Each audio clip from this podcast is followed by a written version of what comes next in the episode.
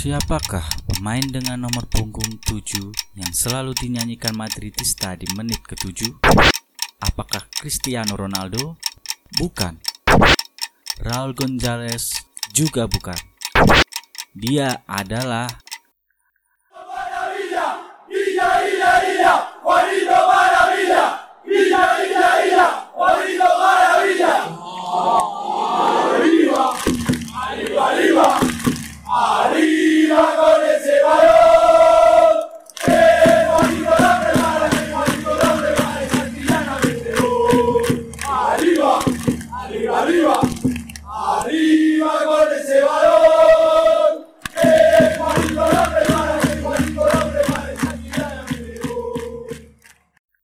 menit ke-7.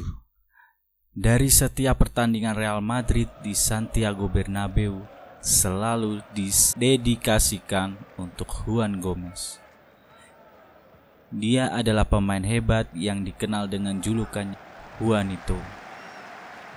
Kisah ini adalah tentang dia dan tentang semangatnya yang terkenal.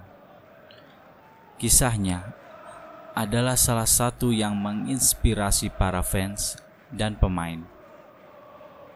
Dan ini dia kisahnya.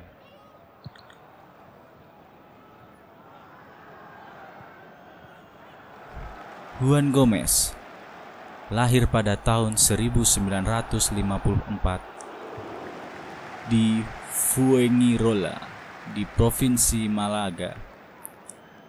Dia mulai bermain sepak bola pertama kali di jalanan dan kemudian dia bergabung dengan sebuah klub lokal bernama Aspen. Pada usia 14, ia bergabung dengan tim junior Atletico Madrid, di mana ia menghabiskan waktu tiga tahun tetapi sering duduk sebagai pemain cadangan.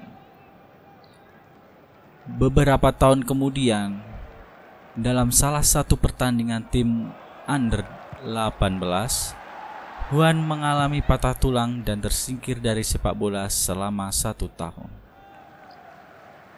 Tidak ada kesempatan baginya untuk debut di tim utama Atletico karena staf pelatih klub tidak melihat potensi dalam dirinya. Dan juga tidak ingin menunggu sampai akhir pemulihan panjang dari cedera. Manajemen Atletico lebih suka menjual Juan ke Sevilla tetapi transfer gagal dan mereka memutuskan untuk mengirimnya sebagai pinjaman ke Burgos. Di musim keduanya di sana, Juan mampu membantu tim ini memenangkan divisi kedua pada tahun 1975-1976. Dia juga membantu Burgos untuk tetap di La Liga pada tahun berikutnya dan akhirnya dinobatkan sebagai pemain Spanyol musim ini oleh majalah bergengsi Don Balon. Pada waktu itu, beberapa klub besar Spanyol, termasuk Barcelona, ingin merekrut Juan. Tetapi ia menolak mereka semua karena ia hanya menunggu satu tawaran dari Real Madrid. Meskipun di masa kecil Juan merupakan penggemar Zaragoza, setiap tahun ia mulai lebih mengagumi Los Blancos dan bermimpi untuk menjadi bagian dari klub. Pada 19 November 1976, impian Juan berubah menjadi kenyataan ketika ia bergabung dengan Real Madrid. Namun, Presentasi resminya sebagai pemain terjadi setahun kemudian pada tahun 1977 dan mengawali frase legendarisnya. Memasuki klub ini seperti menyentuh langit. Saya lebih suka Real Madrid di antara semua klub dan Madrid di antara semua kota, katanya. Juan menghabiskan 10 tahun di Real Madrid, di mana ia mendapat julukan Juanito Maravilla yang mempunyai arti sang pembawa keajaiban. Dia memenangkan lima gelar liga, tiga di antaranya berturut-turut. Dua Copa del Rey, dua Piala UEFA, dan mencapai final Piala Eropa pada tahun 1981, di mana Los Blancos kalah 1-0 dari Liverpool. Dia juga memenangkan trofi Pichichi sebagai pencetak gol terbanyak musim 1983-1984 meskipun ia tidak pernah menjadi penyerang yang sangat produktif. Dia juga bukan pemain tercepat, paling gesit, atau paling kreatif.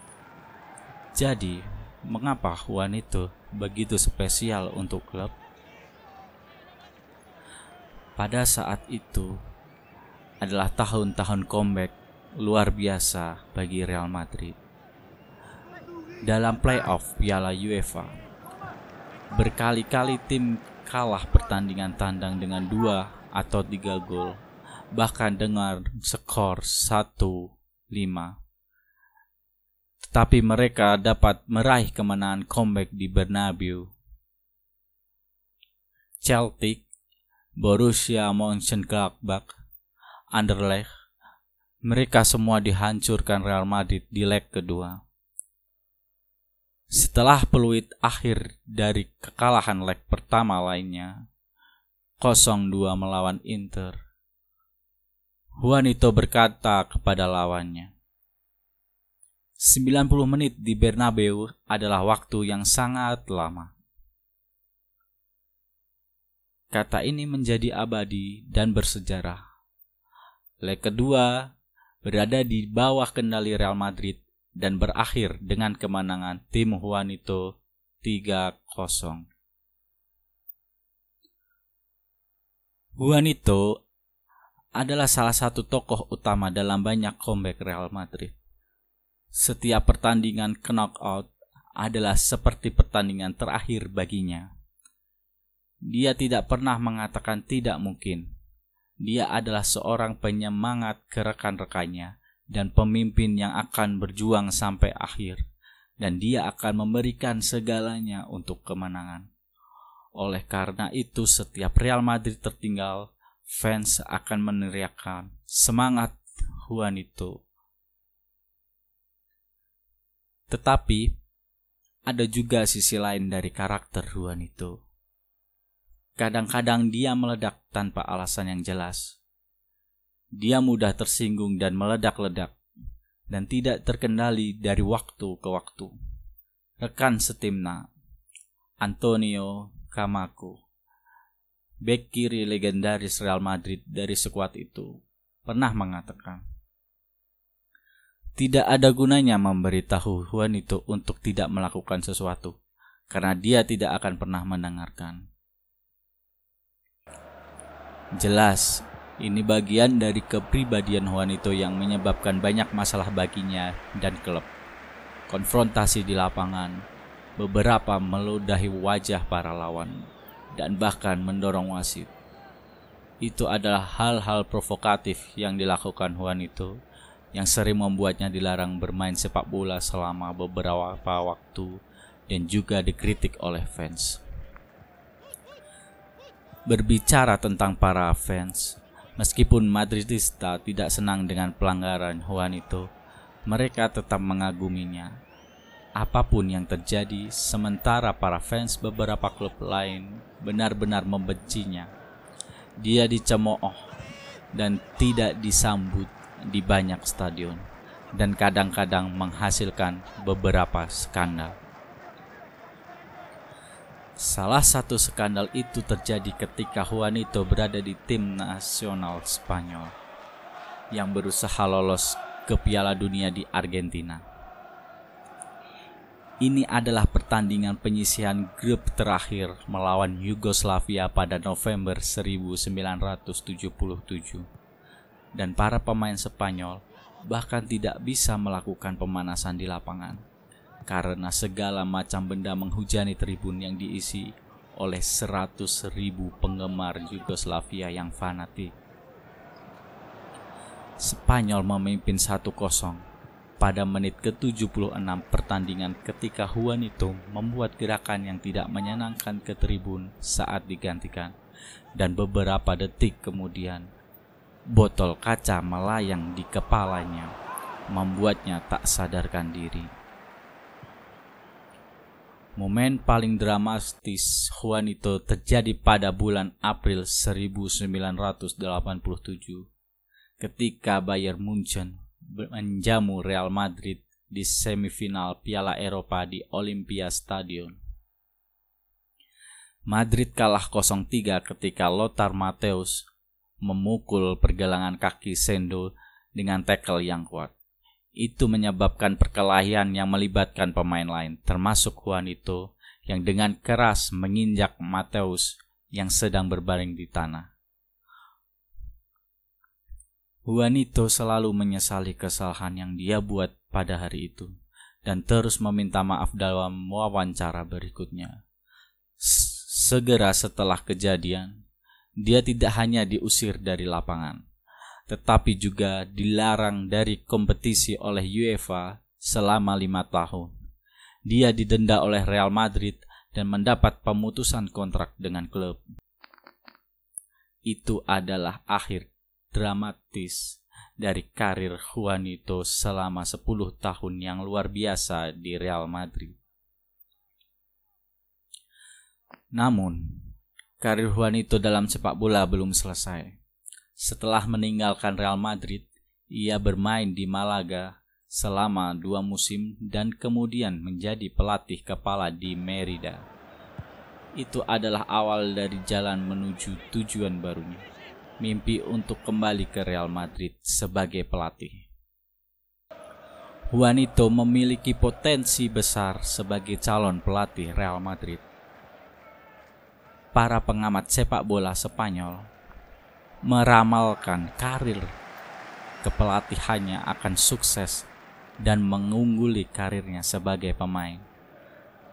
Di bangku cadangan, dia bahkan lebih termotivasi dan ekspresif daripada di lapangan. Jadi mungkin dia benar-benar bisa menjadi manajer legendaris. Sayangnya, itu tidak pernah terjadi.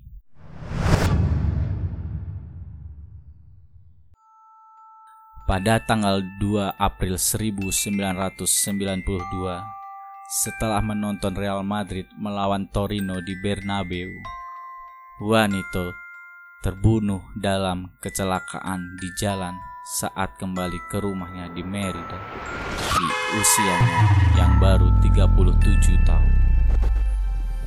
Saat ini, pada menit ketujuh dari setiap pertandingan kandang Real Madrid, kelompok fans yang dikenal bernama Grada memberikan penghormatan kepada pemain legendaris dengan nomor 7 tersebut.